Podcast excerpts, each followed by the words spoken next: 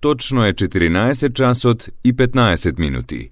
Ја следите програмата на македонски јазик на јавната медиумска установа Радио Телевизија Војводина, трета програма. Емисија Македониум.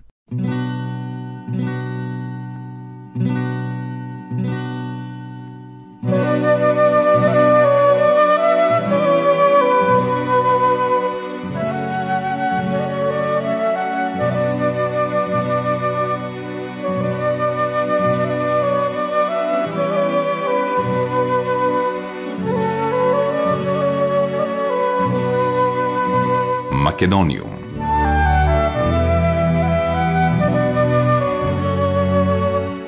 Добар ден и добре дојдовте во најновото издание на емисијата Македониум. Со вас, почитувани слушатели, е вашиот уредник и водител Јулијана Милутиновиќ, секоја среда со почеток во 14 часот и 15 минути на фреквенцијата на третата програма на радиото.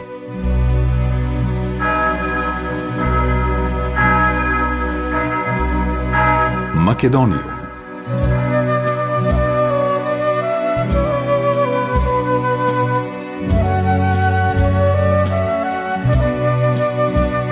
Изложбата Љубовници во пандемија на македонската уметница Јана Манева Чуповска, која минатата година успешно беше представена во Националниот музеј во Херсон, Украина, сега може да ја види и публиката во Националниот музеј на Војводина во Нови Сад. Делата на Манева Чуповска инспирирани токму од пандемијата, која за жал се уште трае, но и од надешта за подобро утре, поточно за љубовта како спас од моменталната состојба, во овој музеј со богата историја ќе бидат поставени до 15 ноември. Изложбата се состои од 40 дела, цртежи и колажи изработени во комбинирана техника – молив, јаглен, акрил и темпера. Националниот музеј на Војводина има соработка со уметници од цел свет, а Нови Сад е дел од Европската програма за култура за 2022 година. Направив контакт со нив, испратив своје портфолио и нивната комисија одлучи да имам самостојна изложба во овој музеј. Делата се од циклусот Љубовници во пандемија, кој го започнав инспирирана од сите овие кризи, кои не снајдоа и од изолираноста, но ја надополнив и со нови дела. Посочи за македонскиот вестник Вечер Јана Манева Чупоска, уметница и редовен професор на факултетот за арт и дизајн при Европскиот универзитет Скопје. Лицата на луѓето во овој ликовен циклус се во грч, страф и болка и според Манева Чупоска даден ликовен акцент на психолошката состојба на човековиот ум. Оваа изложба за мене е дел од една своевидна колективна меморија, овековечена преку состојбата предизвикана од пандемијата. Делата од изложбата упатуваат кон надеж, верба и ослободување од сите стравови кои ни се наметнати, Исто така сугерира и на потребата од љубов, која може да не насочи кон убавата страна на животот, додава таа. Таа токму љубовта ја нагласува како ликовен символ во овие дела кои дава надеж. Музеот во Нови Сад од организацијски аспект се покажа во најдобро светло, а го покажа и својот однос кон гостите и како треба да се организира една изложба. Изложбата ја отвори директорката на музеот Тијана Станковиќ Пештерац заедно со Александар Педровиќ, кој беше домаќен и на ликовната колонија во Нови Сад, на која присуствував пред 15 на години. Слагена Велендичиќ пак се потруди да се постави и организира изложбата на која присуствуваа голем број посетители и медиуми, а беше посетена и од македонците кои живеат и работат во Нови Сад. За следните своји чекори, уметницата посочува дека би сакала следната година изложбата да ја представи и во културно-информативниот центар во Истанбул. Манева Чуповска е во сериозни подготовки за својата ретроспективна изложба за 30 годишно работење на ликовната сцена во Македонија и странство. Би сакала следната 2022 година да направам ретроспективна изложба, а во преговори сум со Националната галерија. Тоа е еден обемен труд за кој се надевам дека ќе се направи направи со кураторот Ана Франговска од Национална галерија, истакнува професор доктор Манева Чупоска. Македониум Чемерски Бадев и уште петмина други уметници се насликани на муралот во строгиот центар на Кавадарци. Покрај ликовниот уметник Глигор Чемерски и доајенот на македонската народна песна Никола Бадев, на муралот во центарот на градот се представени и ликовните уметници Петар Мазев и Симон Шемов, музичките уметници Васил и Зафир Хаджиманов, како и публицистот Иван Мазов Климе. Автори на муралот се уметниците Никола Ивановски и Симона Манчева. Овој проект е финансиран од владата на Република Северна Македонија и е спроведен во соработка со Фрагмент комуникации, Студио КР7 и КСП Подиум Јадро Кавадарци. Изјави уметницата Манчева, појаснувајќи за Македонската информативна агенција дека Кавадарци е дел од поголемиот проект во кои со вакви мурали на кои се представени истакнати културни деци се одбележува 30 години од независноста на државата. Проектот е насловен Градиме култура, сликаме култура, мурали за 30 години независност. Темата на муралот е дејноста и делата на истакнати домашни деци и автори во сферата на творештвото, културата, уметноста, литературата, музиката, образованието, спортот и други истакнати личности кои имаат директен придонес во развојот на државата или придонеле во создавањето или во зачувувањето на културното наследство. Тој веќе го краси зидот на зградата во која се сместени Домот на културата Иван Мазов Климе и библиотеката Феткин во Кавадарци. Македониум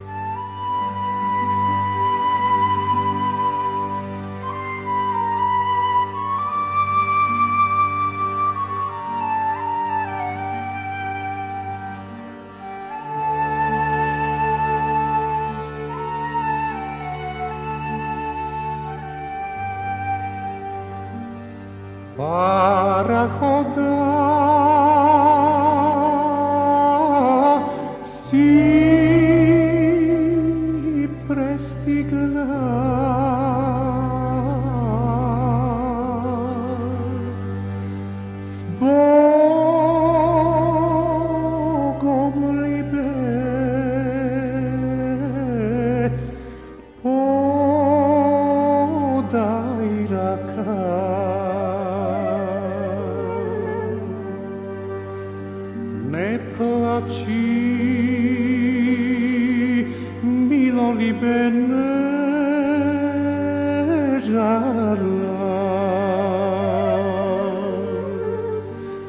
iar parche se vrata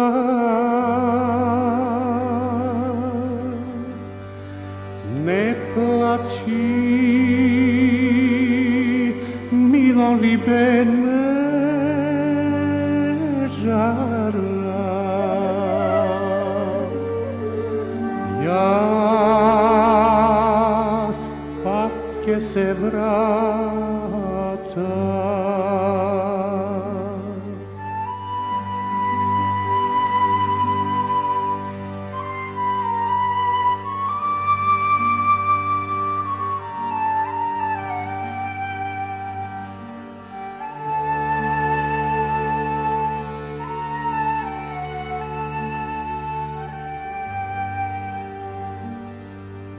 ќе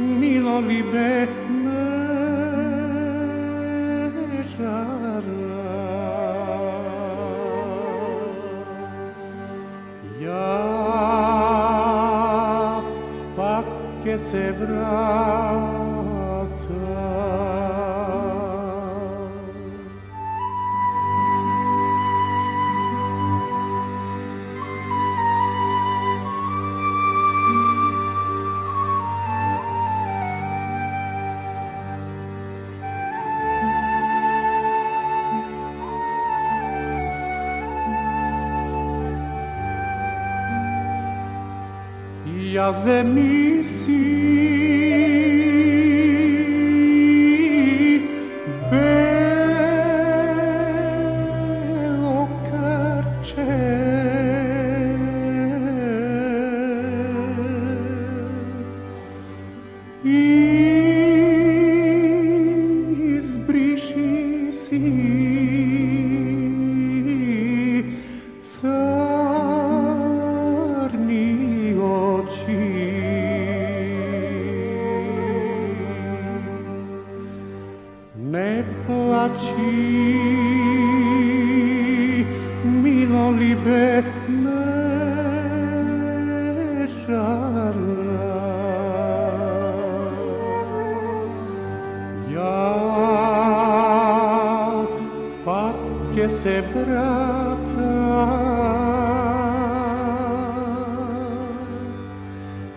με το αξί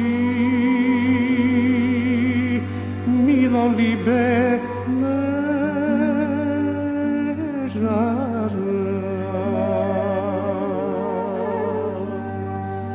γιας σε βράδυ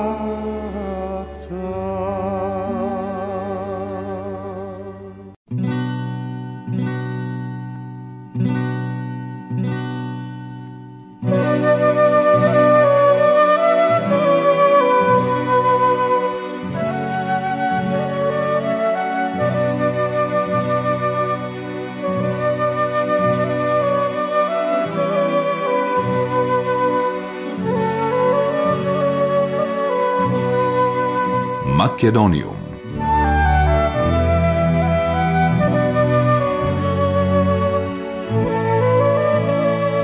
На Институтот за славистика и балтичка филологија во Будимпешта вчера беше промовиран зборникот за македонскиот јазик од Блаже Конески.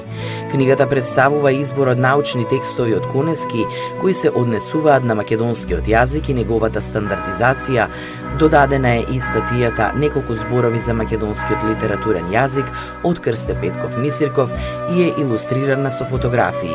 Изборот на текстовите го направи Златко Панзов, лектор по македонски јазик на Универзитетот Елте во Будимпешта, а преводот на унгарски е од Ана Марија Цингере Панзова. Зборникот излезе во престижната едиција Опера Славика Будапестиненсија, Лингуае Славикае на катедрата за славистика при Универзитетот Елте. Иницијатори на реализација на овој проект се лекторатот по македонски јазик во Будимпешта, Институтот за славистика и балтичка филологија Будимпешта, Издруженијето на унгарци на Македонија Теледомот Скопје, а ова издание беше реализирано со финансиска поддршка на Министерството за култура на Република Северна Македонија. Зборникот го промовираше доктор Звонко Танески, македонист кој работи на Универзитетот Комениус од Братислава. На почетокот на промоцијата лекторот Златко Панзов зборуваше за потребата и улогата од ваков тип настани за зголема видливост на македонската култура во Унгарија. Со зборникот унгарската публика ќе има можност да се запознае со развојот и кодификацијата на македонскиот јазик и ќе представува појдовна основа за запознавање на студентите на ЕЛТЕ со проблематиката која се однесува на македонскиот јазик. Во период на негирање на нашиот јазик, ваквите изданија се повеќе од потребни за представување на нашата страна од приказната, информира лекторатот по македонски јазик од Будимпешта. Лекторот Панзов му се заблагодари на професор доктор Иштван Лукач, шеф на катедрата за славистика, за огромната поддршка при реализацијата на зборникот и неговата огромна улога во развојот на македонистиката во Унгарија. Во последните неколку години се зголеми бројот на студенти на лекторатот по македонски јазик во Будимпешта и се движи меѓу 25 и 35 студенти во семестар, така што тој станува значаен центар за изучување на македонскиот јазик во Централна Европа. Лекторот Златко Панзов е иницијатор и организатор на деновите на македонската култура во Будимпешта, што се организираат со ред трета година.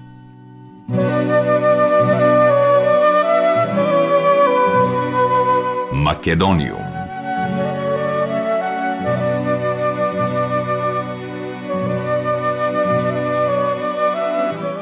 Вчера вечер во салата Фросина во Младинскиот културен центар во Скопје се одржа промоција на стихозбирката Фламенко утопија на Надија Реброња од Србија.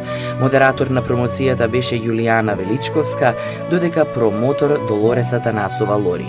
Овие исповедни субјективитети ни се посочени во светло на декомпонираните слики од секојдневието, со што се добива впечаток дека стиховите се напишани со филмски ракопис, дека се како слики направени со филмска камера.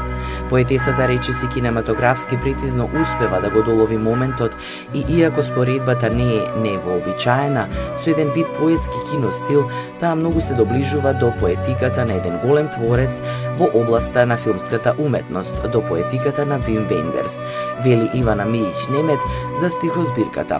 Реброња е поетеса, есеисти книжевен критичар, има докторирано книжевност на Филозофскиот факултет во Нови Сад, а предава литература на Државниот универзитет во Нови Пазар. Незината поезија е објавена во списанија и зборници во странство и е преведена на неколку светски јазици.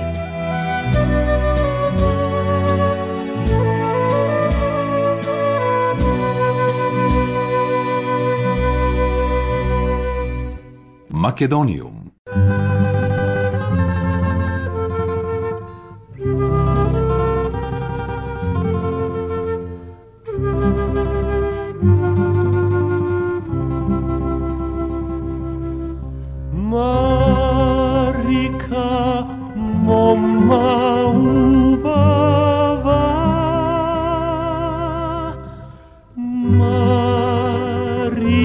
the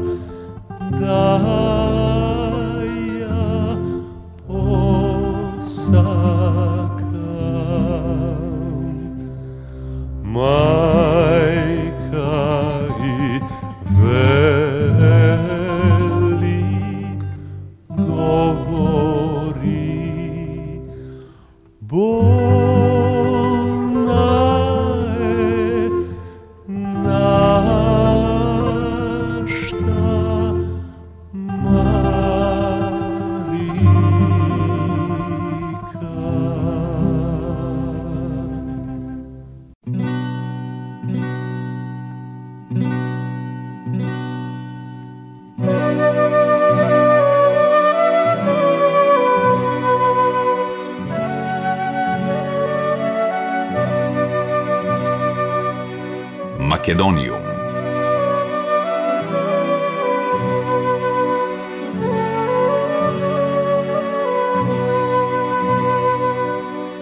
Писателот Фейзи Бојко и политикологот Илбер Сила, се годинешни добитници на државната награда 22 ноември, одлучи одборот за доделување на оваа награда. Наградата 22 ноември се доделува на луѓе од политичкиот, културниот и обштествениот живот во Република Северна Македонија, кои дале свој придонес во унапредувањето на меѓучовечкиот соживот и меѓусебното разбирање на припадниците на различните заедници, култури и вери во Република Северна Македонија. Фези Бојко е писател за деца, преведувач и есеист. Роден е во Струшкото село Велешта во 1937 година. Работел како учител, новинар и главен и одговорен уредник на списанијата за деца Фатош и Јазими и на весникот Флака е Велазеримит. Автор е на книгите Првите цутови, Школски звона, песни за буквите Септември на едно детство, Орото влезе дома, Боите на моето небо, Бели пеперутки, Зборови и бранови и други, како и на повеќе приказни и критички осврти. Преведувал и препел дела од македонски, српско-хрватски и од француски јазик. Професор доктор Илбер Села е универзитетски професор и политиколог, а во моментов ја извршува и функцијата директор на Агенцијата за примена на јазикот во Република Северна Македонија. Кариерата како универзитетски професор ја започна во Универзитетот Југоисточна Европа во 2003 година, каде што се уште предава. Тој е и редовен предавач на Универзитетот во Тетово. Освен во доменот на предавањето, Села придонел и во доменот на издаваштвото. Има повеќе од 10 објавени книги на германски, албански и англиски јазик како автор и коавтор, вклучувајќи ги и националните и меѓународни списанија. Исто така и организатор на неколку национални и меѓународни научни конференции. Наградата на добитниците Фейзи Бојко и Илбер Сила ќе им биде врачена на 22 ноември во собранието на Република Северна Македонија. Македониум.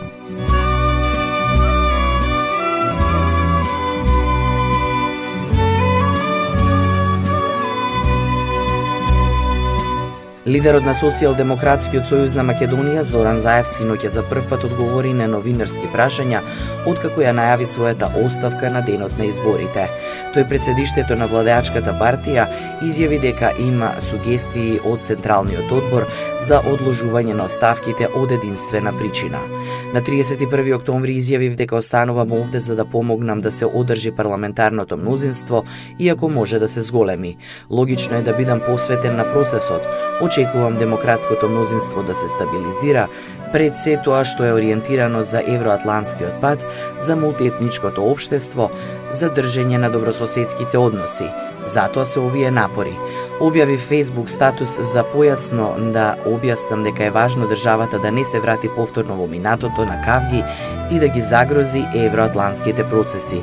Уште еднаш напоменувам вечерта на 31 кога ги објавив оставките од двете функции, реков дека останувам периодот за да се посветам да помогнам во одржувањето на парламентарното мнозинство, ако може тоа парламентарно мнозинство и да порасне. Деновите се пред нас, секако тоа ќе го дознаеме сите, изјави кратко заев пред новинарите. Синоќа на состаноците на највисоките органи на Социјалдемократскиот сојуз на Македонија беше одлучено оставките на премиерот и председател на партијата да се одложат на неодредено време, како што се вели, додека не се стабилизира ситуацијата во државата.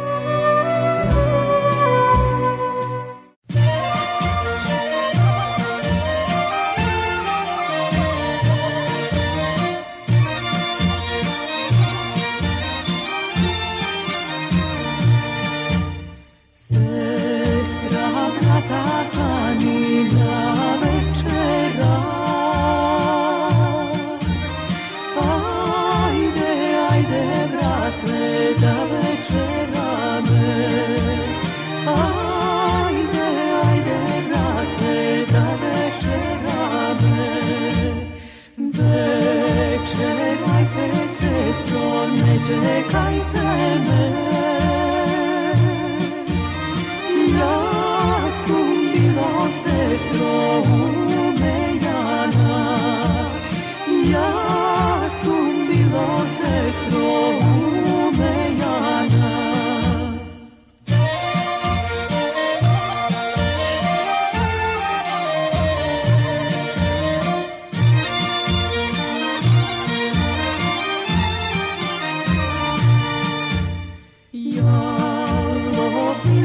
se, skroz sam se opilo.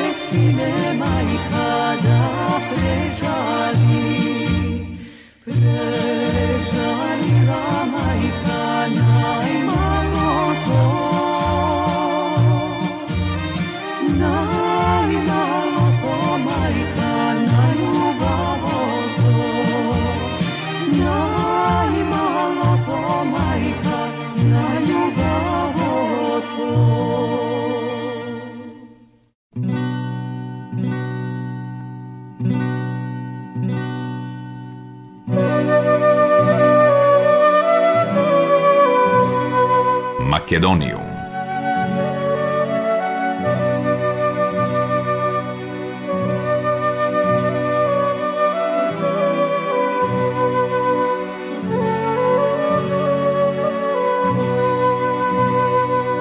Почитувани слушатели, тоа беше се во денешното издание на емисијата Македониум. До следната среда во исто време, срдечен и голем поздрав од вашиот уредник и водител Јулијана Милутиновиќ. Ја следевте програмата на македонски јазик, емисија Македониум. Главен и одговорен уредник Воин Поповиќ.